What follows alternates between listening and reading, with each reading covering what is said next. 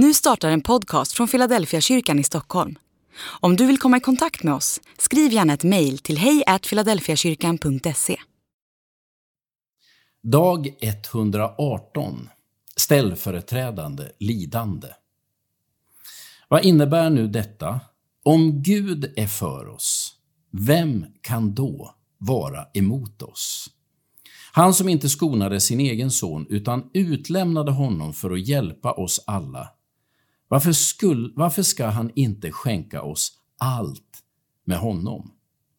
Romarbrevet kapitel 8, vers 31 och 32. Det är inte Gud som dödar Jesus istället för att döda oss.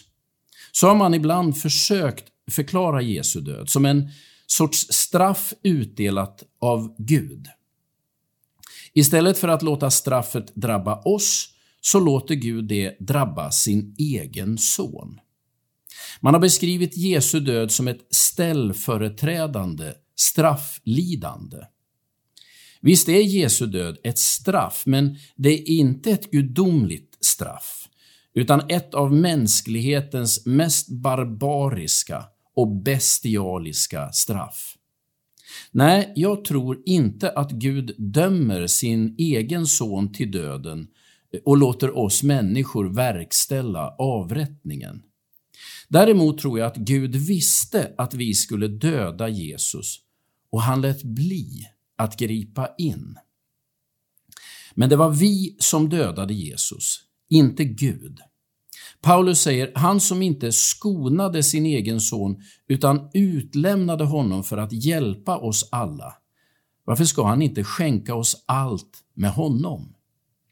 Gud utlämnar sin egen son, men han straffar honom inte. Ändå tror jag att man kan beskriva Jesus som vår ställföreträdare. Men inte därför att han tar vårt straff, utan därför att han drabbas av konsekvenserna av vår synd. Jesus dör fastän det är människorna som gör fel. På det sättet kan man ju säga att han dör i vårt ställe, alltså att han är vår ställföreträdare.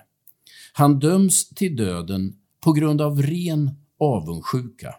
Han är helt oskyldig, men väljer att inte försvara sig.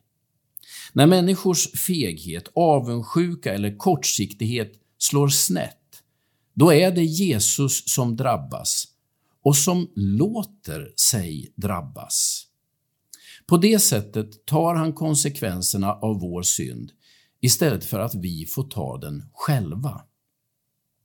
Paulus skriver i Romarbrevet 6 och 23 Syndens lön är döden, men Guds gåva är evigt liv i Kristus Jesus, vår Herre. Men den som dör för vår synd är inte vi, utan Jesus. Och det, är, och det vi blir erbjudna istället för döden är evigt liv.